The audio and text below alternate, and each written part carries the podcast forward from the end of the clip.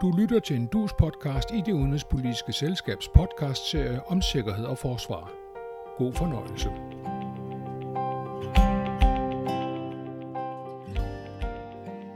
En af de største humanitære katastrofer nogensinde kalder FN det, der er på vej i Afghanistan.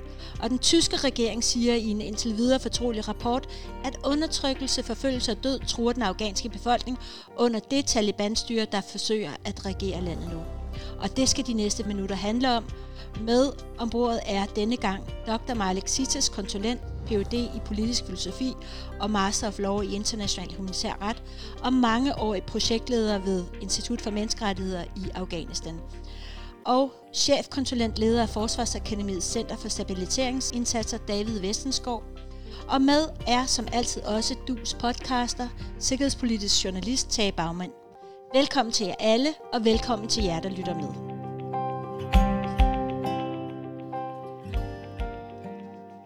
Malik Sitas, lad mig begynde med dig. Er situationen i Afghanistan virkelig så dramatisk for befolkningen, som vi hørte her fra FN og fra den tyske rapport? Det er meget alvorligt. Øh, uh, Taliban uh, har ikke mulighed til at uh, giver det service, som befolkningen har brug for. Uh, det bliver ikke uh, anerkendt af internationalt samfund. Deres uh, rolle i Afghanistan er meget uh, sådan, uh, uorganiseret på den måde, fordi den leder af religiøse fløj af samfundet, ikke? sidder i magten. Og dem, som styrer økonomi, uh, militær og alt, og det er en meget, meget alvorlig situation, fordi der kommer ikke hjælp til Afghanistan. Uh, grænsen er lukket. Uh, Pakistan uh, og i Centralasien, det har masser af uenigheder om Afghanistan. Den store uh, naboer, ligesom uh, Kina og uh, India og Rusland, er også uenige med hinanden om Afghanistan. Uh, så i regionen der er masser af uenigheder uh, om Afghanistan i Centralasien. øh, Tajikistan har meget dårlige forhold med Talibanen. Turkmenistan har bedre. øh, Uzbekistan har prøvet til at blive bedre. Øh, ja, så det er masser af problem rundt omkring i Afghanistan. Iran har altså meget sådan alvorlige øh, beskeder til Taliban i forbindelse med Daesh. øh, sådan en rolle i øh, området. Så på den måde, det er en reel katastrofe i Afghanistan, som foregår. David, hvor meget ved vi egentlig om sikkerhed og om, hvad der sker i omkring Afghanistan, efter øh, de pålidelige kilder har forladt landet?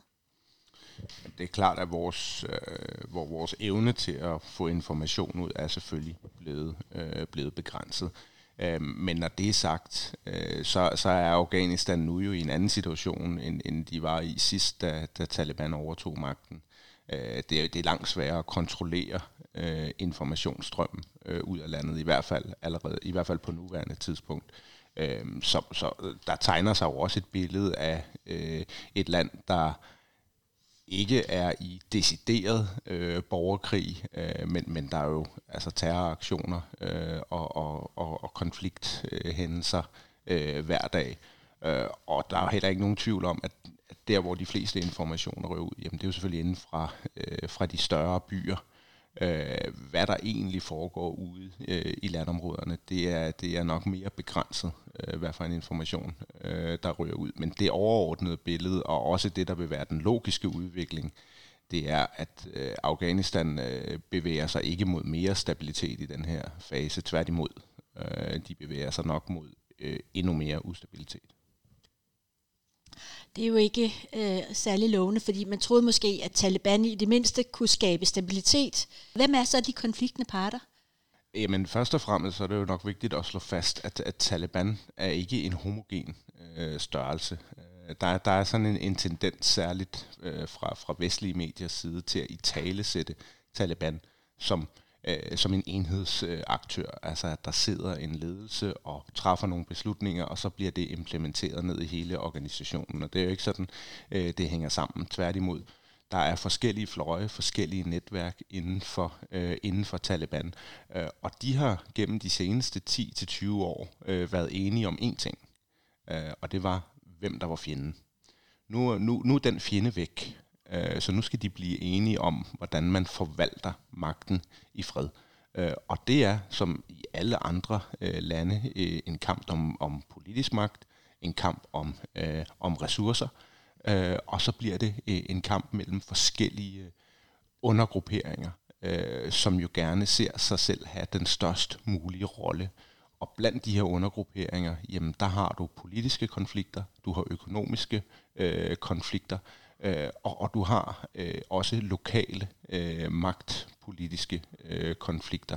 Øh, og den største udfordring lige nu, som, som, som jeg ser det, jamen det er for Taliban at overhovedet at kunne holde sammen på, øh, på det her kludetæppe af forskellige aktører, som jo er øh, og har været en del af den her oprørskamp af vidt forskellige årsager. Nogle er, er ren og skær drevet af, af økonomiske incitamenter, altså narkotikanetværkene nede, nede, nede i Helmand. Øh, så har du andre lokale øh, lokale magthavere, som jo har været drevet af at, at bevare status og privilegier, der hvor de nu engang øh, hører til. Øh, så har du selvfølgelig også den, den religiøse dimension, hvor du har en række grupper over i Kandahar og Helmand, som jo mener, at de har øh, kæmpet gennem to årtier for en tilbagevenden til, til det, man havde fra 96 til 2001. Og endelig så har du den her nyere generation, øh, som, som Doha-kontoret øh, øh repræsenterer, hvor man har en lidt mere moderat tilgang, fordi man godt kan læse den økonomiske skrift øh, på væggen. Der er simpelthen brug for, øh, for udenlandske og også vestlige penge i Afghanistan fremadrettet. Tage Bagmand, hvad bliver der så tilbage nu her efter vores tilbagetrækning, eller vestens tilbagetrækning? Hvad bliver der så tilbage af, af, af vores Afghanistan-politik, nu hvor alle er rejst? Altså det korte svar er ikke ret meget. Vi er alle optaget af, hvordan vi kan håndtere den flygtningestrøm og den humanitære situation, vi kan se, der udvikler sig. Men, men, men derudover så er der jo ikke ret meget tilbage, øh, nu hvor vi har forladt området. Øh, læser man de nye øh, strategier, der bliver offentliggjort til, i USA og andre steder, også i Danmark, så vil man se, at det handler om, om Indo-Pacific, altså om, om øh, hvad skal vi sige, snitfladen mellem det indiske ocean og, og, og Stillehavet, øh, det sydkinesiske hav. Centralasien spiller ikke rigtig nogen rolle. Det er ikke noget, man, man i tale sætter ret meget mere. Og det handler måske om, at, at man har indset, at efter at man har, har trukket sig ud, så har man ikke ret mange kort at spille. Man kan med, med afsæt i noget af det, David sagde, øh, måske have indflydelse via vestlige penge, der kunne være nødvendige for Taliban. Og det er så et spørgsmål, hvor langt det holder, fordi i virkeligheden så er Taliban måske øh, parat til at gå meget langt for at være sig selv nok. Jeg kan ikke se, hvor det er, vi har håndtagene. Det er klart, at den amerikanske øh, regering har sagt, at vi vil stadigvæk være til stede, fordi vi vil stadigvæk have en magtoption. Men det er ikke længere den magtoption, man talte om for 5, 6, 7 år siden, som hed, vi vil være militært til stede i regionen på en eller anden måde. Øh, det er ikke det, man taler om mere. Læg mærke til, at, at Joe Biden taler rigtig meget om den option, der hedder Over the Horizon. Uh, altså det, at man fra hangarskib i det indiske ocean for eksempel vil kunne angribe mål i Afghanistan, hvis det igen viser sig, at vestlige terrortrusler genereres i Afghanistan. Men det er jo ikke det samme som en, en, en geopolitisk øh, tilstedeværelse og magtoption i området. Øh, som, så sådan som det ser ud i øjeblikket, så, ja, så ser det ud til, at man, man øh, overlader spillet til øh, Afghanistans nærmeste naboer, og der er jo i hvert fald øh, tre af, af, af de store magter, det er, det, det er Rusland, det er Kina, og så er det Indien, som alle på en eller anden måde indgår i kalkulationen hos de andre nabostater til Afghanistan. Nu snakkede David Vestenskov lidt om, hvad Taliban er nu. Men uh, Alexis, hvis du skulle beskrive Taliban, hvem er de, altså fra dit synsvinkel? Noget, du har oplevet dem, inden du selv måtte flygte i sin tid fra, fra Afghanistan? Taliban er en øh, fanatiske, religiøse, islamiske bevægelse. Der står øh, fire grupper Talibanen.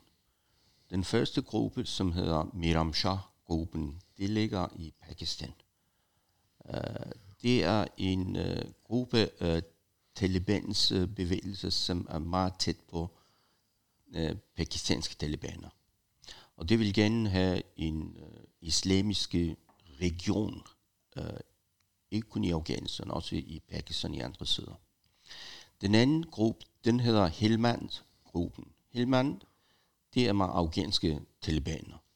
Det er fattige, unge mennesker, som ikke arbejde, finde arbejde i Afghanistan, og dem, som får penge til at slås.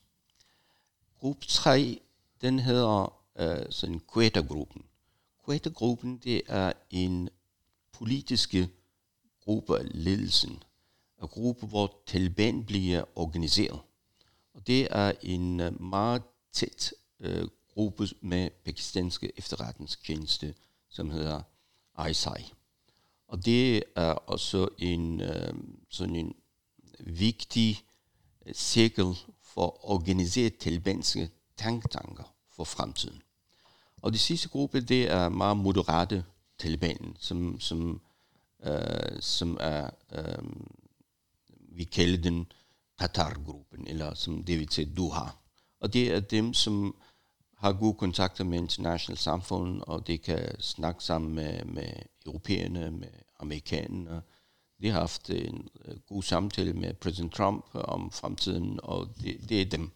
Så på den måde, det er meget uh, forskelligt. Men lige nu uh, uh, i Afghanistan, uh, disse er to af dem, som er det vigtigste.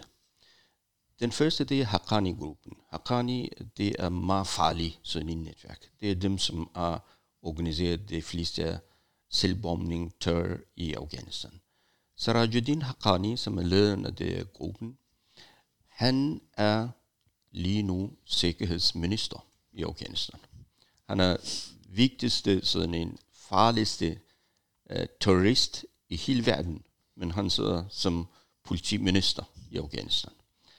Og du, øh, så du har uh, sådan leden af, af Duha-gruppen, som hedder Mullah Brader. Han sidder ligesom vice premier. Uh, øh, han er meget fokuseret på fred, uh, negotiations og det hele. Ikke også? Uh, vi har en uh, ledende regering, som hedder uh, Mullah Akhundzada. Han har ikke haft uh, i medier siden uh, mange uh, måneder. Han er fuldstændig øh, stille. Han snakker slet ikke med nogen.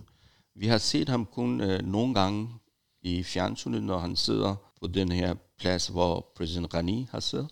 Og øh, rundt omkring ham øh, masser af mullaher, som sidder og meget stille alle sammen. Så på den måde, det er en meget uklar situation lige nu. Hvem sidder i magten? Men det eneste, som jeg ved det godt, det er Haqqani. Haqqani har stor magt. Haqqani har mange ministre nu. Uh, han er også på, på landsniveau, har også mange vigtige uh, sådan figurer, som sidder guvernører i for eksempel nogle provinser, ligesom Osgan, grænsen med, med, med Iran. En sidder i, i øh, uh, Mazar Sharif i uh, Balkh, som har grænsen med uh, Centralasien, og også en i uh, Herat, som har grænsen med, med, uh, her, uh, med Iran. Så han er meget strategisk og meget, meget klog, uh, sådan en uh, og farlig uh, person, som sidder i magten lige nu. Sådan her, uh, sådan en beskrivelse af Taliban, som sidder nu i magten.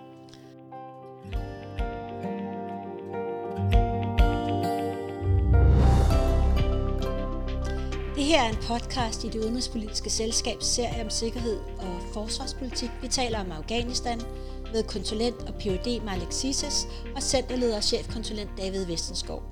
Og vores faste podcast er sikkerhedspolitisk journalist Tage Bagmand.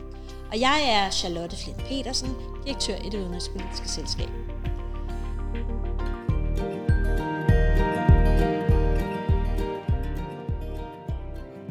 David, hvordan vil du så beskrive øh, altså forskellen på Taliban efter 9-11? Altså, hvem var det der inden da? Og det Taliban, som vi sådan set har i dag. Er indholdet det samme? Altså sådan ideologien og tænkningen det samme? det ideologiske grundlag øh, er det samme. Øh, det, det er det samme sted, at man trækker den her legitimitet fra. Det, det, det det samme kommunikation, øh, som, som man har nu, som man havde dengang. Altså man henter argumenterne fra, øh, fra religionen. Men når det er sagt, så er der rigtig store forskelle. Øh, og det er jo selvfølgelig også, fordi præmisserne har ændret sig. Og særligt, øh, altså du har en bevægelse den her gang, som har været gennem en oprørskamp i to årtier. Det har været med til at forme bevægelsen. Da Taliban kom til magten i 96, jamen der var det en forholdsvis nyopstået bevægelse. Den opstod i opposition til anarki, til en borgerkrig, øh, og, og drev ligesom legitimitet fra befolkningen, fordi at de kunne være et alternativ, som kunne, øh, som, som kunne tilbyde sikkerhed til befolkningen.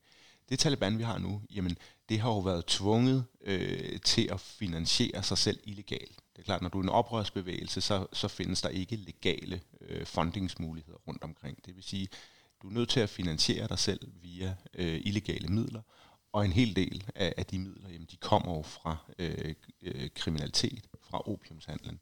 Øhm, og det er jo klart, at, at den her alliance øh, mellem de kriminelle netværk, som de jo egentlig i sin tid kom til magten øh, for at bekæmpe, øh, jamen de netværk er de blevet filtreret ind i nu.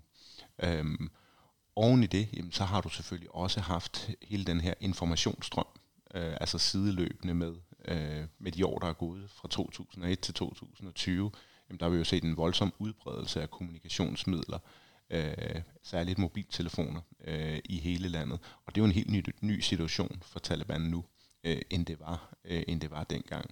Øh, samtidig har du også en befolkning, som har fået langt, øh, langt, en langt større grad af informationer, øh, og det, det gør også, at, at præmissen øh, vil være helt anderledes. Men hvis man ser på det internt øh, i Taliban, så er der jo også rigtig mange grupperinger og individer, som har tjent rigtig gode penge på den her øh, konflikt. Øh, og mange af de her øh, mindre grupperinger, kan vi kalde dem, jamen lederne af de her grupperinger, de har deres magt, deres status, deres privilegier, i kraft af, at de har 200 øh, væbnede folk ude i baghaven.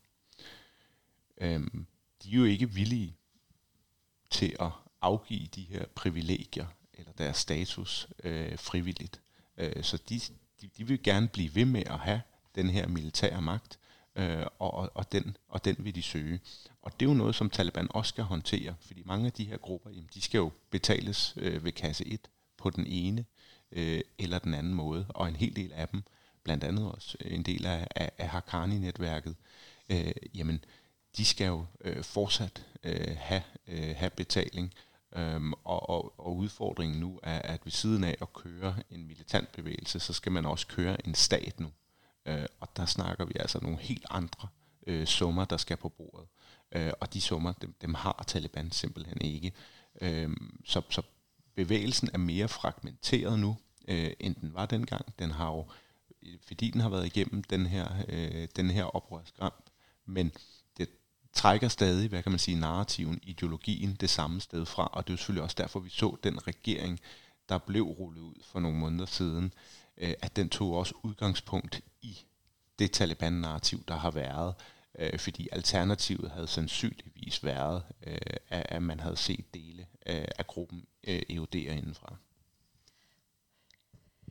Tage øh, bagmand, øh, men det er jo os selv på sæt og vis, der har skabt Taliban i forbindelse med den kolde krig, eller hvad?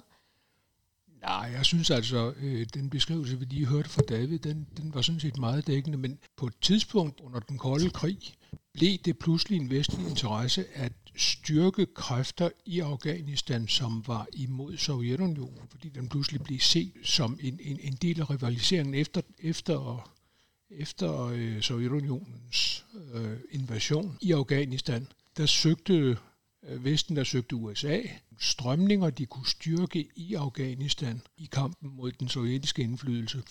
Øh, og der var det mest fremtrædende, det var vel øh, hjælpen til, til Mujahedin op i Panjshirdalen, men vel nok også de strømninger, vi taler om her, som jo var Malik sagde, øh, religiøse øh, strømninger, men jo også nationalistiske i den forstand, at, at man ville have sit eget område, man ville, man ville bestemme selv, Øh, og de, styr, de, de kræfter kunne vi jo godt lide på et tidspunkt, fordi det betød, at man var imod Sovjetunionen, og måske også i et eller andet omfang imod kinesisk indflydelse. Jeg ved ikke, hvor, hvor fremtrædende en rolle det spillede tidligt i, i, i, i forløbet. Under den kolde krig var det øh, Sovjetunionen spejlet, øh, vi taler om. Men Malik, hvad, hvad er rapporterne for dine venner on the ground, altså på jorden, din civilsamfundsnet? Hvad, hvordan, hvordan har det indvirket på det almindelige liv i dag, at Taliban er der? Har de gennemført den hvad skal sige, religiøse, eller forsøger de at gennemføre den her religiøse transformation, eller øh, har de ikke haft held til det endnu? Det er et øh, godt spørgsmål. Øh, jeg kommer tilbage til den anden spørgsmål, så kommer jeg til den her, som du spurgte, øh, David, om, om øh, hvad er forskel med Taliban nu og den gamle tid. Den øh, ideologi er det samme, øh, som David siger. Øh, men taktikken er lidt anderledes. Øh, på den måde, at øh, der nu øh, media fungerer i Afghanistan. Øh, det er en stor øh, sådan en begivenhed øh, under Taliban. Øh, øh, der er øh, nogle øh, meget vigtige øh, medier i Afghanistan, ligesom Tolo, som er en national, øh, selvom, selvom den er en privat, men det er meget aktiv medier, som snakker om, om, øh, om international politik, om øh, menneskerettigheder nogle gange imellem, og også øh, det taler om øh, forholdet øh, mellem staten og, øh, og øh, befolkningen. Og den fungerer. Øh, det er en øh, stor forskel, øh, som media fungerer nu. Den anden ting er, at øh, Taliban er ikke det samme Taliban i forhold til kvinder. Og det er på grund af stor sådan pres, som de får internationalt. De har ikke nogen ministre lige nu, som er fra, fra, fra kvinder. Men de ser meget klart, at de respekterer kvinder. Og det, det betyder rigtig meget for mig, for eksempel ligesom en person, som arbejder for menneskerettigheder. Men, i, i, øh, men sammen, vi har masser af dårlige eksempler. Uh, for eksempel i går, der bliver to journalister bliver slået uh, i øh, uh, Herat-provincen, uh, øh, fordi de skulle lave en reportage om økonomiske problemer i Herat. Uh, vi har haft uh, to uh, episoder, hvor to kvindelige journalister uh, fik trusler, hvis det fortsætter arbejde, så de bliver dræbt. Så uh, på den måde, der er masser af uh, problemer med, med, med på den uh, ground, men politiske, det, det fungerer meget bedre end sidst. Um, der er i tre uh, sådan en uh, precondition, eller hvordan man siger det på dansk? Forudsætning. Forudsætning, som, som den internationale samfund har givet til, til Taliban. Hvis det svarer til det her forudsætning, eller betingelse, betingelse ja, så får de uh, anerkendelse. Og det er den første og fremmest, det er menneskerettigheder og kvinders rettigheder skal respekteres. Nummer to, det skal organisere en øh, regering, hvor alle etniske grupper i Afghanistan kan bliver medlem af. Og nummer tre, de skal have, øh, afghanerne skal have ret til at bevæge dem, eller komme ud fra Afghanistan. Så det, hvis det, det accepterer det tre, så det får øh, muligheder til, til at blive anerkendt af international samfund. Men der er slet ikke nogen gode øh, sådan en, øh, nyheder på det her tre elementer. Så på den måde, situationen er meget øh, pessimistisk øh, lige nu. Men i, i selv øh, mine kontakter med netværk øh, fra Afghanistan siger, at dem har penge, gør alt det bedste, der kommer ud fra Afghanistan. Øh, uh, de fleste uh, intellectuals fra Afghanistan er, er nu ud fra Afghanistan.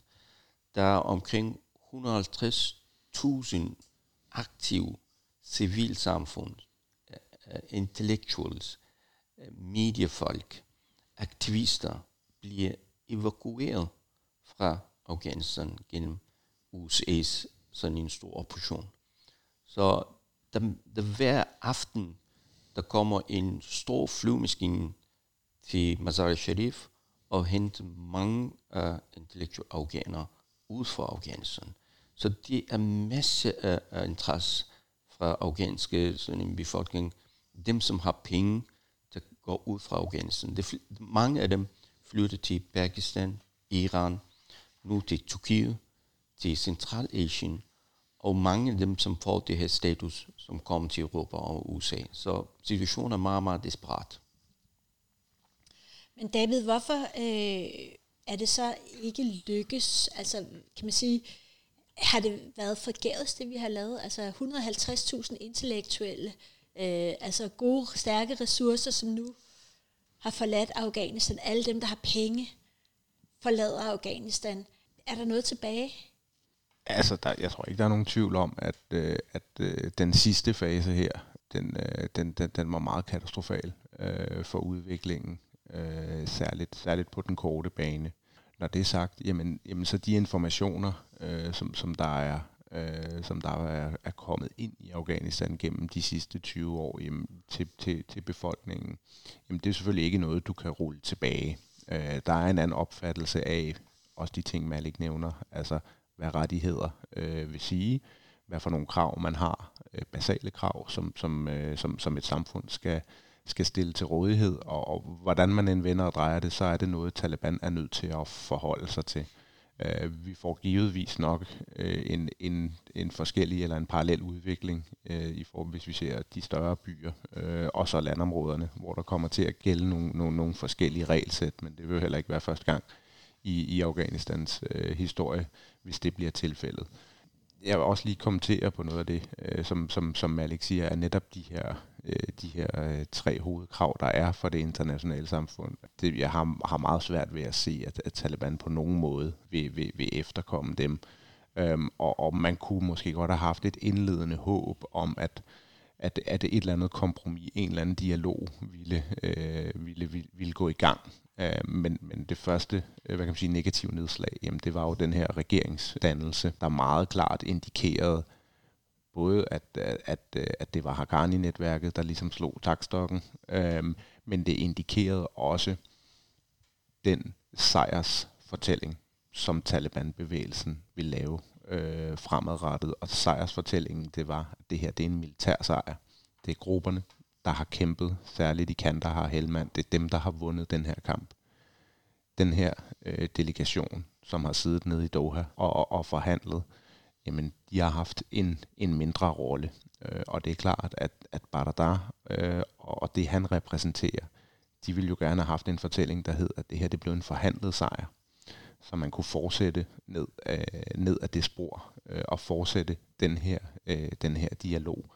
Øh, men men som, som jeg ser tingene lige nu, jamen der, der kommer Taliban aldrig til at efterkomme øh, de her krav, i hvert fald ikke på den korte bane. Øh, Øh, og jeg tror sådan set også, at jo flere krav man vil stille til dem, øh, jo værre øh, vil de sådan set reagere på det.